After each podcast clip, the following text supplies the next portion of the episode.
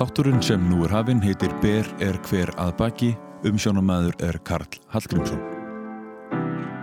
Þátturinn er liður í þáttaröð um íslenska dægutónlist þar sem fjalla verður um bakverði íslenskrar tónlistar. Í þáttunum verður sjónum beint að tónlistarfólkinu sem leikur á hljóðfærin á þess að vera höfundarlagana eða aðalflýtjendur. Þetta eru trómuleikarar, bassaleikarar og millirata söngvarar, svo einhvað sé nefnd. Í þætti dagsins er það Rósa Guðrún Sveinsdóttir sem verður til umfjöllunar eða öllu heldur þáttaka hennar í tónlist annars listafólks. Sumt af því listafólki ætlar að koma hér til mín og ræða við mig.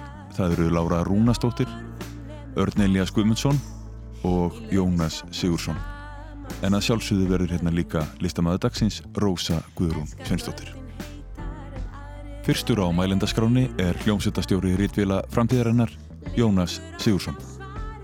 Sko, hún Rósa er náttúrulega bara ótrúlega músikalsk og góð manneskja og mér finnst það reyndar haldast rosalega oft í hendur að Já. fólk sem að er, þú veist fólk sem er búið að tilenga og helga lífsitt músik er gott að upplægi þannig að Rósa er til með einhver sem er rosalega gott að hafa með sig í liði sko. og, og bara alveg sama hvar á það er litið. Hún er, hún er hlý, hún er góð og hún er, hún er skemmtileg. Og hún er, þannig að hún gefur rosa mikið í það sem hún tekur þátt í. Og síðan hefur hæfileikan hennar sem er náttúrulega hún er náttúrulega algjörlega frábær söngkona sko. Og hérna fyrir, fyrir mér hún hefur rattað mjög mikið af veist, efni hjá mér og svona og alltaf þegar ég hugsa svona með vantar eitthvað bara svona himneska rödd sko, þá fyrst mér rosa þá kemur hún bara og neglir það. Og síðan veist, og það sem ég við svo geggjaður rósu að hún hefur þessa himnesku svona feminin móðurlegu orku þegar hún vil og er að syngja og spila þærflötu eitthvað síðan tekur hún sko baritón saxofónin þetta er svo risastóra blik skrimsli og bara like a boss, þú veist, þá kemur bara power sko, bara masculine power. Og það er líka, hef ég fundið það sem fólk elskaði að sjá hana live sko, eins og með okkur það sem hún er svolítið með frelsi til að fara á milli þessar hlutverka. Mér finnst það alveg bara þú veist, það bara það verður allt vitlust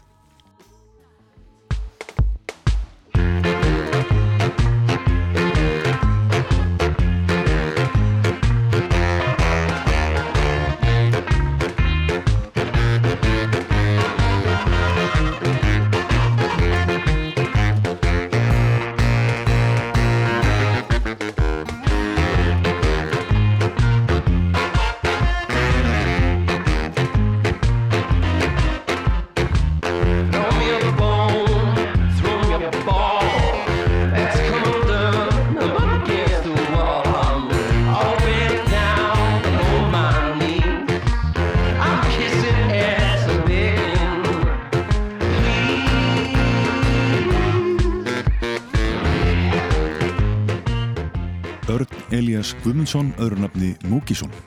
og hérna bæði lögin Please og I'm a Wolf eru sem stolti einföld það er hérna í I'm a Wolf spila ég bara trómmunar held ég og í Please er bara trommuheli og svo er bara allt löðrandi í svona grófum saxofón og svo rödd, svona meir og minna hann reyndar að það er smá gítar líka í báðum lögum allan þetta er svona grunnurinn sem kerir lagið áfram. Mér fannst það geggjað hérna, það er sko Óskar Guðjóns er á saxofón og Rósa er á saxofón. Og þau, já, það er eitthvað, eitthvað svo mikið rock í þessu þetta er, alveg, þetta er dimmt og það, það er eitthvað neginn það er svo mikið svona frumkraftur í, í þessu, ég, ég manni að ég heyrði þetta fyrst og svona þetta alltaf hátt. Ég hef búin að mixa þetta aðeins og sagt, jöfull er þetta mikið rock? Og samt hef ég aldrei heyrt rock svona svona rockaður og maður er alltaf gladur ef maður finnur eitthvað svona manni finnst eitthvað vera frumlegt eða nýtt. Allavega, mér fannst það alveg geggjað og ógeðslega gaman að vinna með henni Rósu og hérna hún er eitthvað svo lifandi, jákvæð og samt með svo svartan og töff húmor. Og bara hún er, hún er geggjuð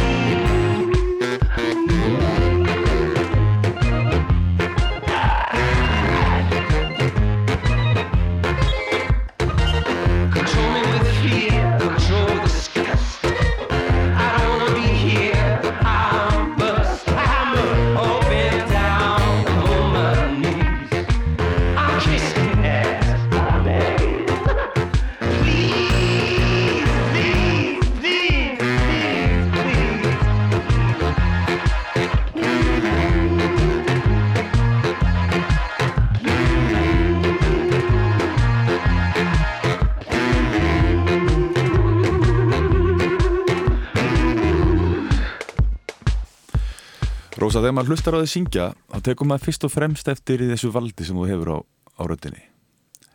En líka tónsviðinu sem er ofsalega mikið. Þú ert alveg massív og góð þarna niðri en svo nærðu upp úr öllu.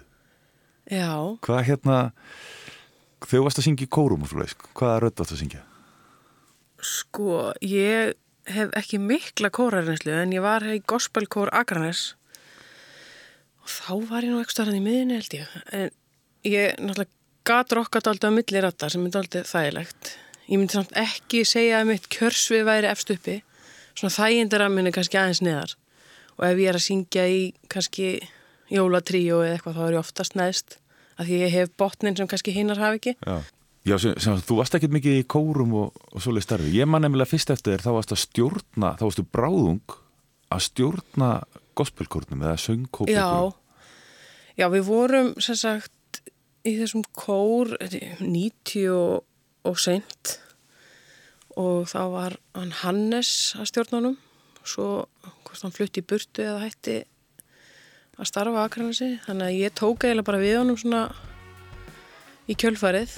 Og ég, þá hefur bara verið um tvítugt sko og útsetti sem sagt nótur fyrir kórin ímist sko bara lög sem voru flott og ég fann ekki nótur og ég var að vinna í tónastöðuna þessum tíma þannig ég gæti fengið nótur og sumu og, og annars skrifaði maður eftir heyrn eða útsetti upp á nýtt eitthvað svona skemmtilegt Bara ekki fatta hvað þetta var erfitt, bara gert þetta.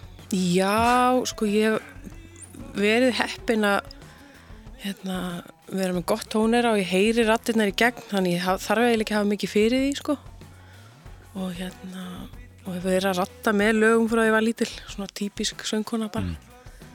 En hérna, leiðin þín inn í tónlistina, er það í gegnum klassíst tónlistan á? Ég byrjaði sagt, ég byrjaði tónu og Reykjavík eftir hérna framhalskóla og ætlaði að vera tónlistakennari og það er svona klassísku skóli og ég sá það fljótt bara fyrsta ári eða svona að þetta var ekki alveg svo stefna sem ég hafi kannski séð fyrir mér fyrir mig. Þannig ég kláraði þetta fyrsta ár fór sér háskólan svo leittist ég út í jazzin að því ég var að vinna í tónastöðinni. Kynnti svo mikið að jazzurum þar.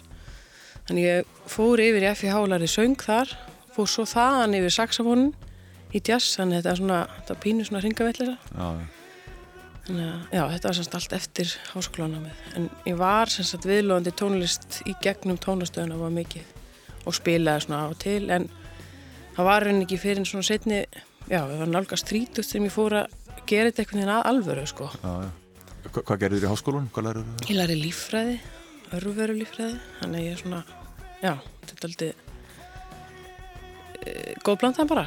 En í dag, þú starfar sem tónlistamæður og Já, kennari. tónlistakennari og, og tónlistamæður. Ég tók kennara próf, eða kennara mentunin á FIH líka. Mér finnst mjög gaman að kenna.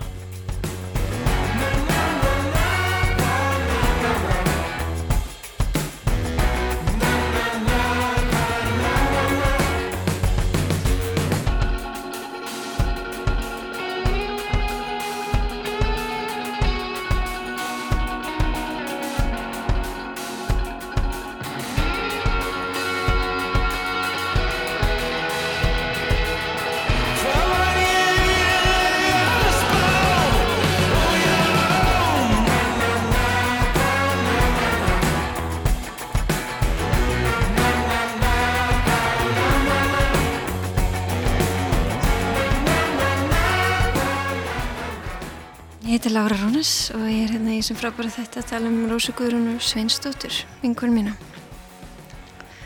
Þann mikla snilling. Hvað einkennir stemninguna þar sem að Rósa kemur til þess að vinna músík? Mm, bara ótrúlega jákvæðni, finnst mér.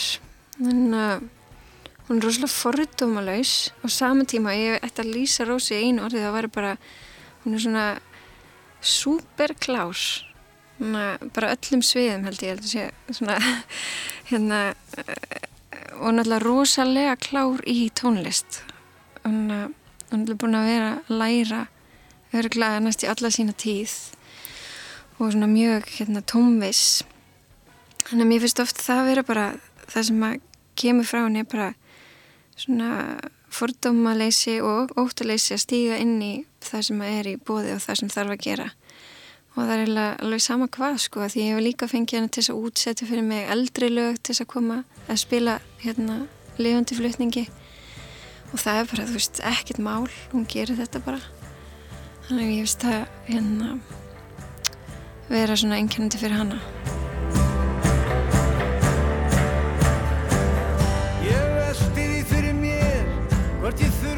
Heyrum aftur í Jónasi Sigursinni.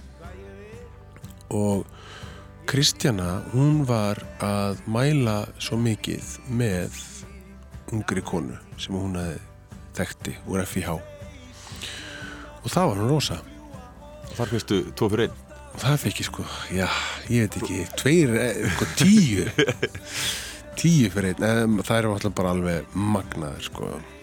Já, og minna þeirra Rósa kom inn Ég Rósa náttúrulega- kemur inn sem bæði og- sem blásari og söngkona og, og ég segi tíu því hún er bara, hún er bara svo opaslega mikið að gefa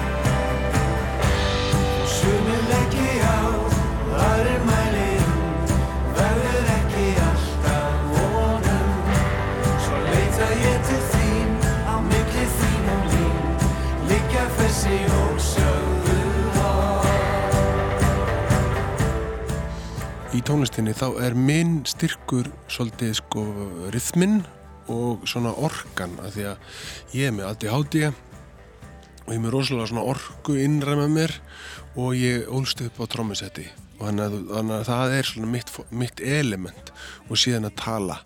Þannig að þú veist tónlistin sem ég sem er rosa mikið svona ekkert svona eitthvað fallega sungin eða svona og, og sérstaklega þessum tíma var ég svo mikið vinna með bara veist, og þá var þessi hugmynd að, að, vin, að vinna síðan alltaf með mótvægi við það sem væri þessar Fallega fallega raddir og, og svona Og rattsetningar. og þar voru Stefán og Kristjana og Rósa náttúrulega bara, það var þau voru bara störlað gengi sko. Og gastu það bara setja þetta í þeirra hendur. já, já, já, þau bara þau, ég minna eins og ég minna, að vinna með fólki eins og Kristjánu og, og Stefánu og Rósu, þú veist, maður eiginlega aðaladri er að bara, þú veist, þvælist ekki fyrir sko.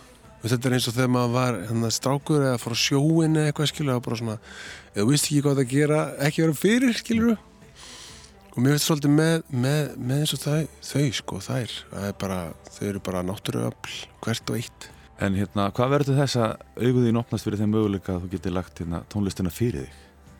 Ég sem sagt var að vinna í tónastöðinu á svona rauðu þráður í þessu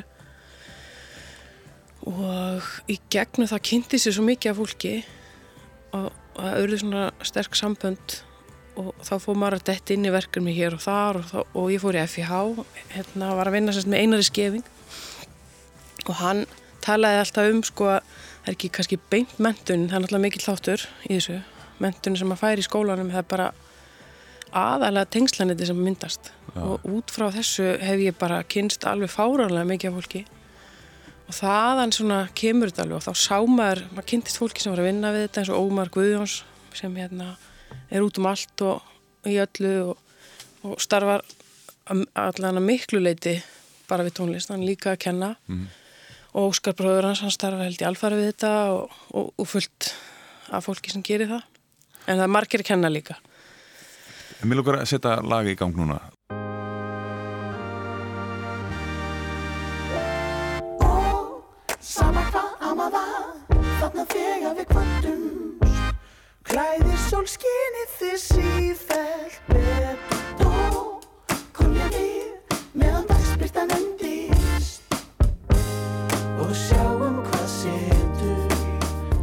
Er það gegnum FIH sem þú kynnist meðlumum Moses Hightower? Já, þar voru þeir strákar. Þeir koma saman úr MH sem er annar svona suðupottur hérna, samstarfs og þar kynntist ég líka Siggu Toll sem er að syngja með og svo Lilja Börk var að syngja með okkur ofta tónleikum og Raka Gröndal sönguna og svo plötu líka og þannig að þetta er allt svona FIH tengslinn. Já. Og þarna, eh, ég ætla að spila að lagi Sjáum hvað setur og ef ég, ef mér skilst rétt sko, þá er þetta þú og Sigriður Tólasíus að syngja millirættinnar með þeim strákum. Þarna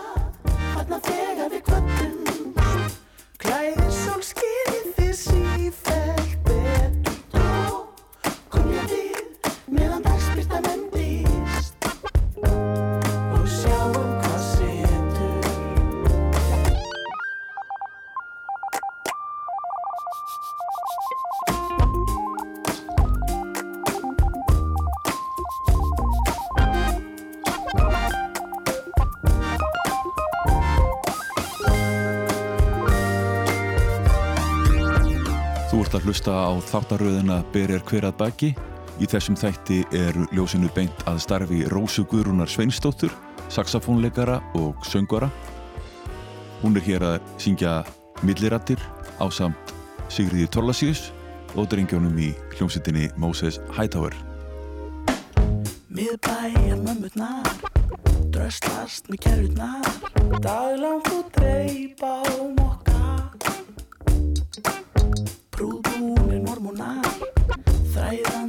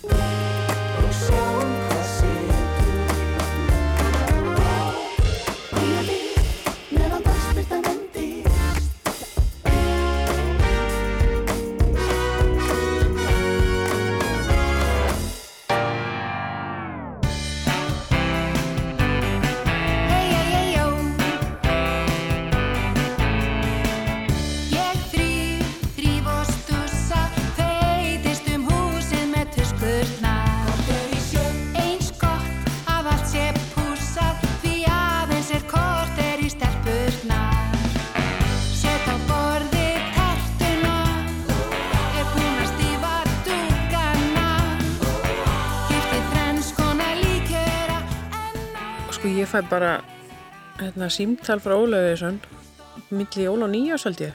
Hvort að ég myndi ekki vilja koma og spila saxofónin og, og lag fyrir Eurovision? Ég sagði já var ekki alveg viss sko maður veit ekki alveg hvernig þessi Eurovision lögur getur nú verið misjöfn getur maður sagt það. Og ég fæ senda upptöku og hérna og þá var þetta náttúrulega rosalega hrátt þannig að og ég held já þetta nú bóðan alveg gott, hugsaði, ekki alveg fullmóta og svona, svo fer ég bara í stúdíu og hitti þar stelpunar og, og, og Vignisnæ í Rafár og, það var raunin ekki alveg móta hvað ég ætti að gera.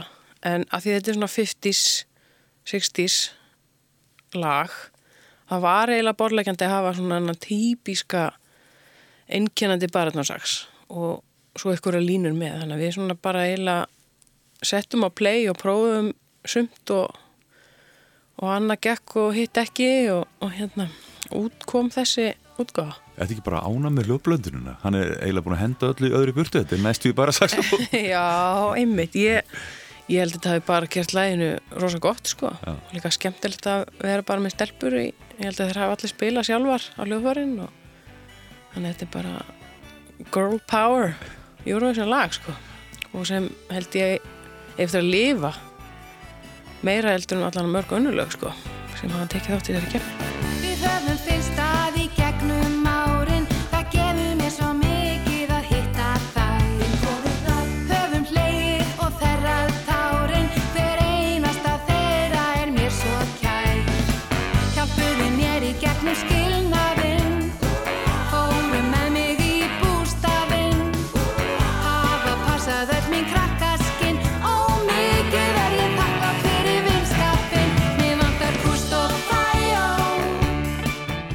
Rósa, þetta lag er í, ég veit að því ég var að kenna tónment mm. þetta var náttúrulega mjög vinsælt og, og börnin í skólanum vilja syngja það. Mm. það var reglulega gaman. En með misminnir ekki þá var lagið í détur. Já, reyndar hækka það akkurat núna. Hvernig er það fyrir saxofónleikarinn að lenda á détur?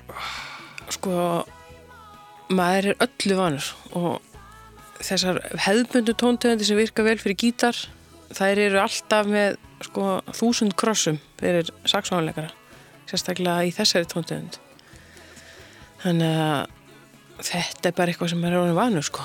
Og í rauninni finnst mér betra að spila í þessum tóntöðundum í dag heldur en kannski ykkur um sétur sko að ruggla með minna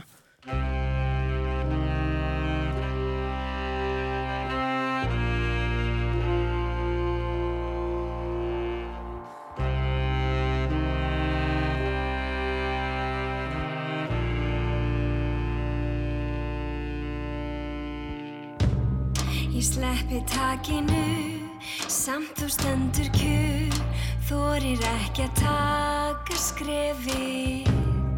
Nóttin líður hjá, mánin horfir á, býður þess að sjá þig. það er hérna í gangi í lag sem að á plötunniðinni Þel frá 2015 þetta er lagi Sveppgengill hvað er að gerast þarna? Um, þetta er bara helling í gangi, sko. Uh, og uh, þetta er fyrsta lagi sem við gerðum að þessari plötu. Hún var bara tekin upp í heimahúsi heimi á Stefáni sem að útsetur með mér. Og það var náttúrulega bara fyrst að kalla inn uh, Rósu sem að var búin að vera með mér hérna í eitthvað tíma til þess að spila á margt sem hún kann á. Hún kann alveg ótrúlega margt. Þannig að hún held ég, hvort hún hafi allan að spila saxofón ef ekki bara líka flöytu og sungið í svona kvennakór sem var hann á bakvið. Þannig að hún ná náttúrulega rosalega stórum part í þessu svona frekar einfalda lagi. Þannig að hún er stórum part af útsetningunni þannig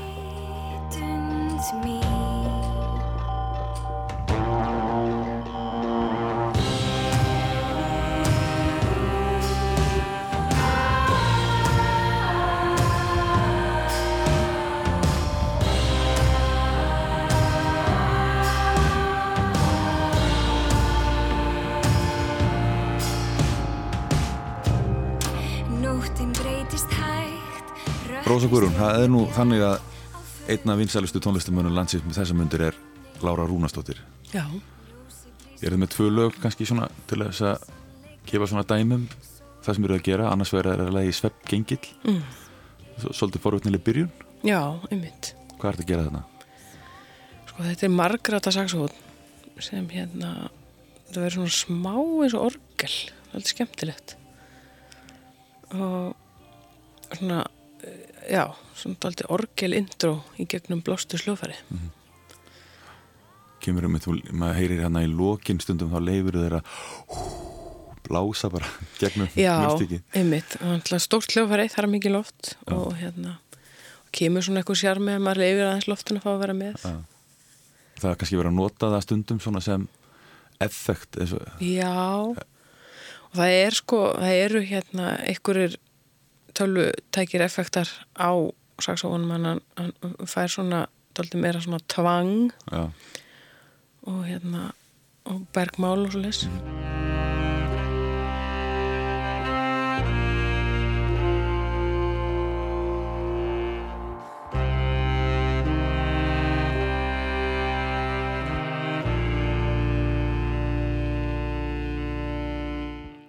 Lagi heiti Sveppgengill mm. Tekur eitthvað tillit til textans þegar þú ert að velja áferðin sem þú ætlar að nota í þínu leik Nei, ekki þannig ég held að það komi kannski bara sjálfkrafa svona blæðbriði þegar maður heyrir lægið og, og kannski kannski ekki fyrstu tökunar eru ekki teknar, maður kannski prófar eitthvað og, og svo kannski gengur annað upp og annað ekki. Ég myndi svo er bæði höfundur og upptökustjóri í salnum sem að gefur þau mælun upp eða einmitt, svo fólk eru ofta einhverja meiningar, vil, vilja fá eitthvað ákveðin lit eða, eitthvað svo. Aha. Þetta var til dæmis allt útsett af Stefáni Erni, Gunnlaugsinni. sem að stýrir upptökum á blöðunni, þel Já, þannig að þetta var, þau unnu þetta saman og já, þannig að ég, það var svona kannski ekki, ekki alveg mitt að velja línur í þarna, en, en kannski einmitt eins og þú segir að maður svona kannski reynir að láta það passa best í hverju sinni. Aha. Svo er annarlega bara gjörólít þarna frelsi Já, einmitt. sem er svona meira stuð Já, svona meiri trukkur þar sko. Hitt, var svona mjúkt svona mjúkt og dremandi en þetta er meira svona áskýri gegn sko. Og það er sama, það er líka hann effektar á, á saxónum þarna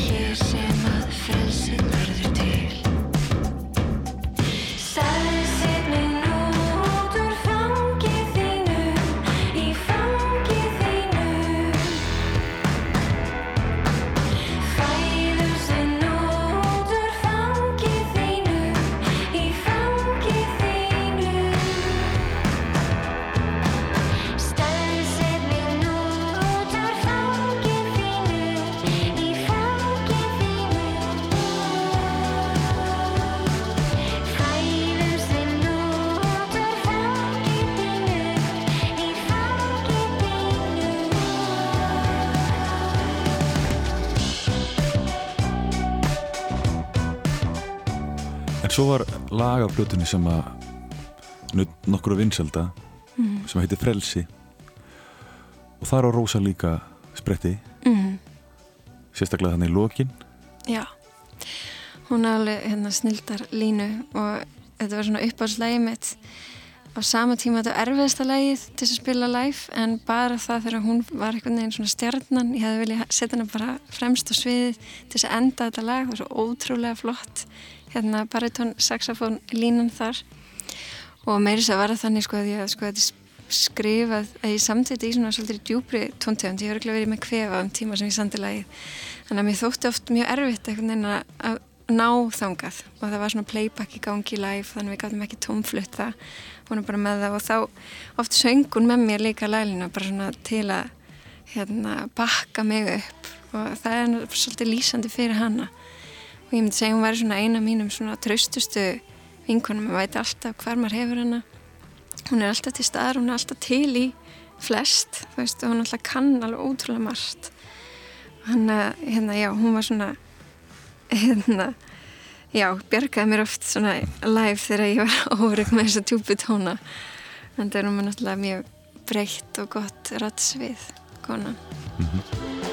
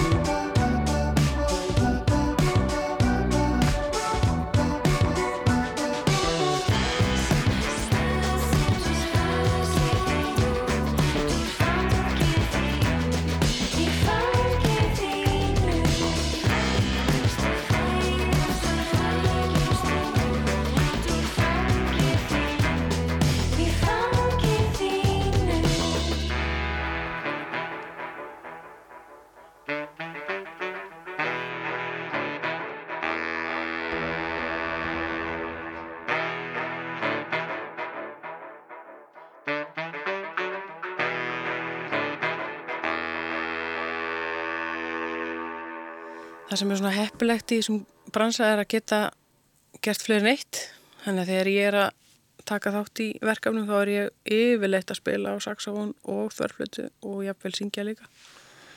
Var það kannski meðvitað þegar þú valdir saxofónin, baritónin? Varst að, varst að velja hann til þess að auka atvinnumöðuleikar? Í raunin ekki, ég valdi sko þegar ég var í framhaldsskóla þá var ég semst á síðasta ára var ég komin á, var ég að læra fjórfalt byrjaði að flautuna 11 ára og svo bættist alltaf við eitthvað eitt og eitt ljófæri þannig ég var komin á flautu, saxofón, píano og söng ásamt ég að vera útskrifast. Og þá, ég byrjaði alltaf sax, fór fljótlega á tenor og svo var hann að lúðrasveitin í skólanum. Og það vantaði svo botljóðfæri og það var til eitt garmur inn í geimslu baratónsags garmur sem mér fannst bara upplægt að prófa og fara og því ég heitlaðist bara algjörlega og þannig að ég hef verið 19 ára þannig að og ég hef eiginlega ekki snert öðru í þessi saxofón síðan. Hver, hver er svona helsti munurinn á baritónsaxofóninum og ég segjum tenor? sko það er er tónhæðin, það er, er endar ekki svo mikið, það er fimmund á milli. Þannig að hann kennst fimmund dýbra og, og tenorinn kennst fimmund ofar.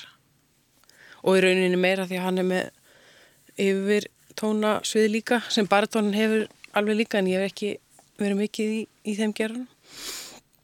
Þannig að hann er sko þetta er eiginlega ótrúlega hljófari ég verða ef ég á hérna aðeins að hann hefur sko þessa grottalegu og þykku svona botn starfsemi og svo líka opbóðslega mýkt uppi ef maður tilengar sig það. það er, maður þarf svolítið að finna hérna, finna sig í honum sko. Og ég náttúrulega hef algjörlega tilengað mér hans hljóm og þannig ég held að ég hef náðarlega ágætt stökum á hans breytt sko. Þannig að það er hægt að spila á hann sem sóluhljóðvar líka sem gleymist svo oft. Því að það er svo margir sem þekkja hann bara í þessu börum, börum í svona skrauti og, og í einhverju svona í svona blásara hóp. Svolítið forvitin með eitt var vegna að þetta er nú baritón saxofón mm. Og þú hefur mikið verið að spila á hann með baritón söngurum, Jónas Sig, Múkisson Mm. uh, er, er betra að heyri sér þegar Lára er að syngja heldur en Ötti eða Jónas eða Ómar? Já. Nei, það, það er nú oft bara hljóðmannum að þakka sko. Hvernig það er. Það er hérna, það er nú frekar að maður blandist við bassan sko. Já, og ég stend nú oft hjá hann Guðna Finnsinni já, og við erum ágættist teimi hann í botnunum í bæði Ritvílónum og hjá Múksson og Láru þannig að við, Já. já. þannig að við erum svona orðin ágættist bassa teimi við, við tvö. E- ekkert vandamál að, að, hérna, að heyra hann í gegn þetta hljóðfæri?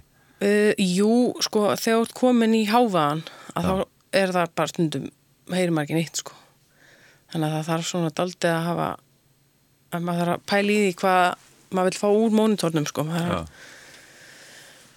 hérna, þess að skera í gegn, sko og ég hef ekki verið að nota innir eða neitt þannig, því að það er svolítið, það er ómurinn þegar maður er að spila blástuslöfari það ómar það í hausnum á manni þannig að já, já. Ég hef kannski mestalega verið með eyrnatappa öðrum megin, sko. Mér finnst það mjög óþægilegt. Það er að loka mig af og svo leys, þannig að ég hérna, reyna að gera það ekki. Stundum þarf maður að setja pappir bara, þá tekur maður hæstu tíðunar. já, gerist það svo leið já. Já, það er svona, svona maður notar eitthvað triks, mm -hmm. bómull eða pappir. Áttu, áttu ykkur hérna, uppáhald hérna svona ef við horfum á íslenska pop tónlistasögu áttu ykkur uppáhald baritónsaxafónsins Já, það er, það er eina sem kemur í huga mér, er Finnur Eidal, sko, sem hafði mjög sérstakann stíl. Ég var einmitt að lusta svolítið mikið á hann um daginn, bara, hérna, alveg óvart, sko, danstónlistina. Og hann, hann var svolítið þrumari, sko. Hann var, hann var hann, ekki að segja að hann hafi verið kannski svolítið, hérna, mjúkur í spilun, en hérna, en samt með svona skemmtilegan karakter. Að og það er nú svolítið skemmtilegt við saxofónin að þú getur verið með svona einstakt um, ef maður getur sagt sound segjum það nú oftast þannig að þú getur heyrt já þetta er þessi og þetta er þessi. Þannig að og ég finnst það svolítið mikið oft í sko að því kannski hef hlusta meira á baratónsaxa heldur en aðra saxofónleikara að þá heyri ég munin sko. Mist ég heyra minna kannski hinnum en þó það sé alveg hellingsmunur eða kannski það stendur nær mér. Já. en hérna já, hann er, með, hann er með svona ákveðin stíl sko, það var með. Mamma, sko þetta er ekki lag En bara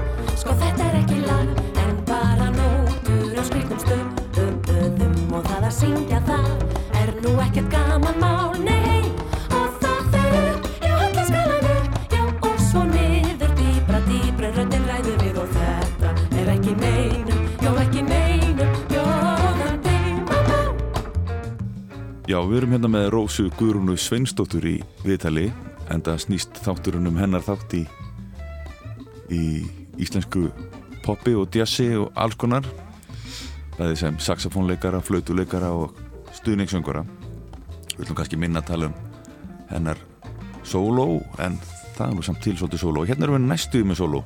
Mm. það er svona duett já, þetta er Mambo og Tómas R. Einarsson og hljómsveit. Já, einmitt sko þetta er gamalt lag frá Tómasi sem hann hefur gefið út áður en ákvað þessari plötu að setja texta á það.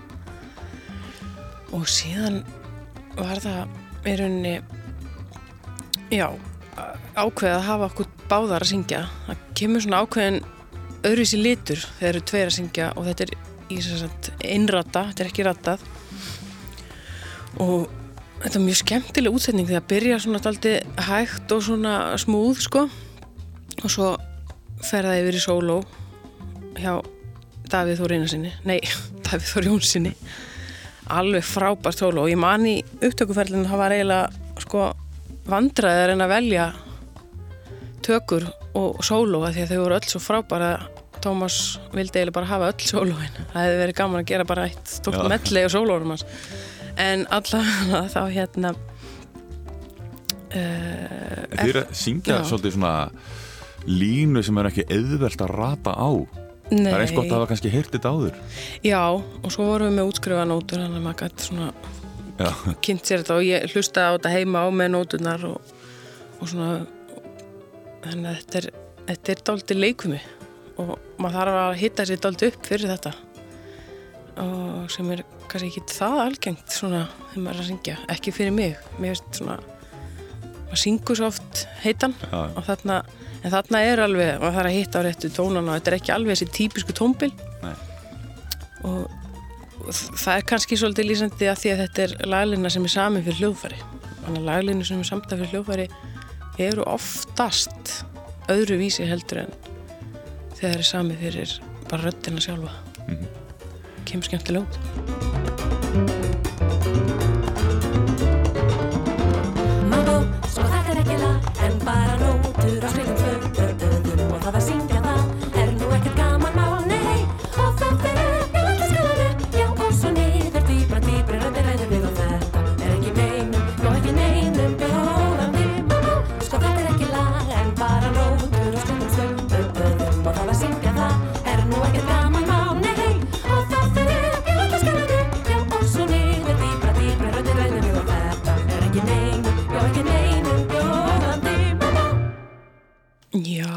náttúrulega Kristjana Stefánsdóttir. Við munum mikið saman. Bæði með Jónasi Sig og svo hljómsveit sem var stopnuð í FIH og hér Dusty Miller. Þeir eru nú í dvala. Ég ætla nú ekki að ætla að vona þessi ekki hættir. Því að frábær hljómsveit. Og svo vorum við með Páli Óskari líka og Sinfó hérna í den. Þannig að ég sennilega stunni mest með henni. Gjörið svo vel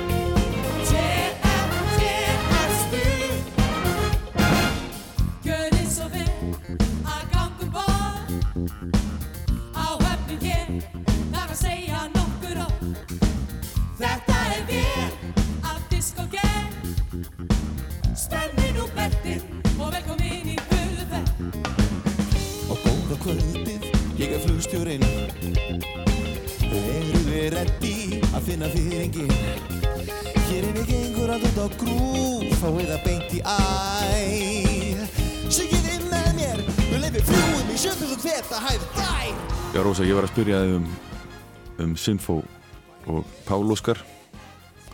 Þetta, þetta er árið 2011, þarna er, þarna er svona heil söngvasveit með Pál Óskari. Já, Hvernig, hvernig störfuðu þið að þessu? heyrðu, hann hérna fekk Kristjánu Stefáns með sér, vinkonu sína, sem fekk síðan okkur Gísla Magna og Gunnar Tóransen til að vinna þessar rættir og við svona unnum þetta saman skiptum þessu svolítið á milli, sumt kom bara á staðnum, annað fór maður svona meira með heim og, og setti puttan aðeins meira það, fór í tölvuna og útsetti alveg eftir nótum sko því við erum öll vön svoleiðisvinnu og þetta var bara alveg meira eftir gaman. Alveg því líka stöðið sko. Og það kom út D.A.D. sko þannig að það er þetta sjá stöðið ef fólk hefur áhuga á því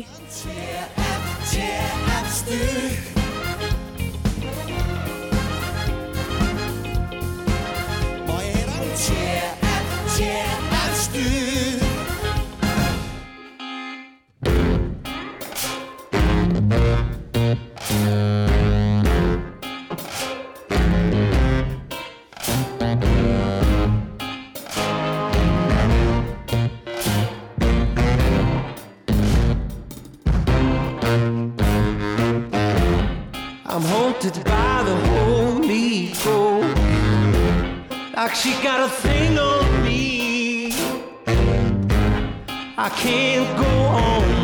this. Heyrum aftur í Múkisson. uh, alltaf geggjaður saxómanleikari og ennþá betri söngkona og geðaslega góð söngkona um, mér finnst ég einhvern veginn sko, eins og Rósa eins, eins og ég eigi að hafa þekkt hana ógislega lengi en ég, og hún, hún veist, en ég held að við ekki fara á trún og eða kynst almennilega fyrr en bara hún kemur í hljómsveitina mína 2016 sem fullu meðlumur og, og, hérna, og spila á plötu hjá mig þá uh, í nokkrum lögum. Og hérna í kjölfærið bara manni eftir einmitt þær upptökur og þá svona hugsa ég, já, heyrðu, hún væri hárrétt. Hún uh, var svo skemmtileg og náttúrulega ógeðslega hæfileikarík og bara uh, hérna bara bjargaði þessu eiginlega á þessum tíma fannst mér. Og við einhvern veginn orðin svona svolítið staðnaði rock hundar búin að spila sama efnið alveg eins í mörg ár. Orðið svolítið svona riðguð vél. Og mér fannst hún hérna lífga upp á svona komið nýtt bragð inn í inn í jöfnuna. Og ég held að við höfum allir lifnað svolítið vel við þarna þegar Rósa kemur inn og með saxofóninn og, og náttúrulega rödd og rattar og hún og Toppi rattar það saman alveg ótrúlega. Og ég fæ oft sko stundum gleymi ég mér að ég er að hlusta þau ratta og það gleymi ég mér sko hvað ég á að fara að gera næst. Bara gleymi textum og, bara stað á stund. Það var ógeðslega skemmtilegt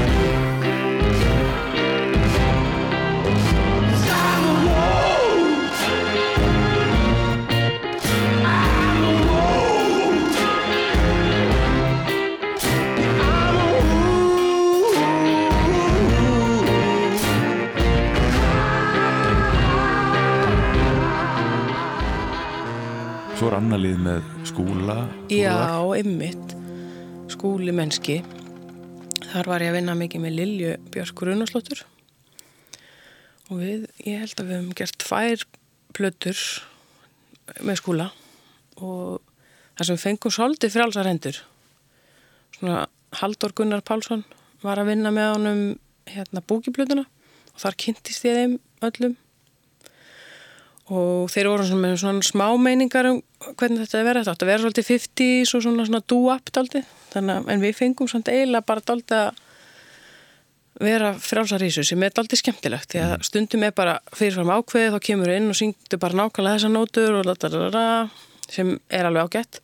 En það líka, maður fær svona kannski að vera meira skapandi í svona umhverfi. Þannig að þetta er ótrúlegt. Og lífstíðar bara vináta sem myndaðist saman í mataklúbi og svona. Já. Svo kemur önnuplata frá skúla eftir búkiplötuna. Já, Það er þetta líka með Lilju Runnóls. já, Það, ég, ég ætla að spila lag á þeirri plötu. Það heitir Saltjarðar. já, Hann eru stuðnisrættirna notaðar eins og, já, einmitt. eins og ég bara, eins og gítarinn bara. Já, Stóru hlutverki. það er nefnilega svo gaman þegar raktirnar fá að vera bara eins og hluta hljóðfæranum, ekki svona bakgrunnsneitt og það þykir svo að það verður eitthvað svona bara yndislegu hljómur, sérstaklega í svona lægi sem er svona, svona frábær tónsmið. Þetta skúli mennski sé einn vanmettnasti tónlistamæður landsins. Þannig að ég held að allir ætti að fara að tékka á hann með eftir hann að þátt, sko. Hann er reyndar lítið á netinu en ég ætla að reyna að hvetja hann til að vera duglegri í því, sko. Hann er reynda bráð skemmtilegur á Facebook. Já, ymmit, þannig að bara kannski gerist vinir hans og... Já. Já, Það er alveg óhætt. Mæla með því. já, Og svo mæta á tónleika, það er líka frábært. já á algjörlega. er dáð án dóms og laga Ég heiti Karl og ég þakka áheyrundum kærlega fyrir að hlusta. Einnig færi ég þakkir viðmælutum mínum í þættinum, Láru Rúnas, Jónasi Sig og Erni Eliassi og engum og sér að leiði Rósu Guðrúnu fyrir að leifa mér að gera þáttum tónlistaþáttöku sína. Í næstu viku verður einhver allt annar listamæður hér til umfyllunar. Þið heyrið í mig þá, góða stundir.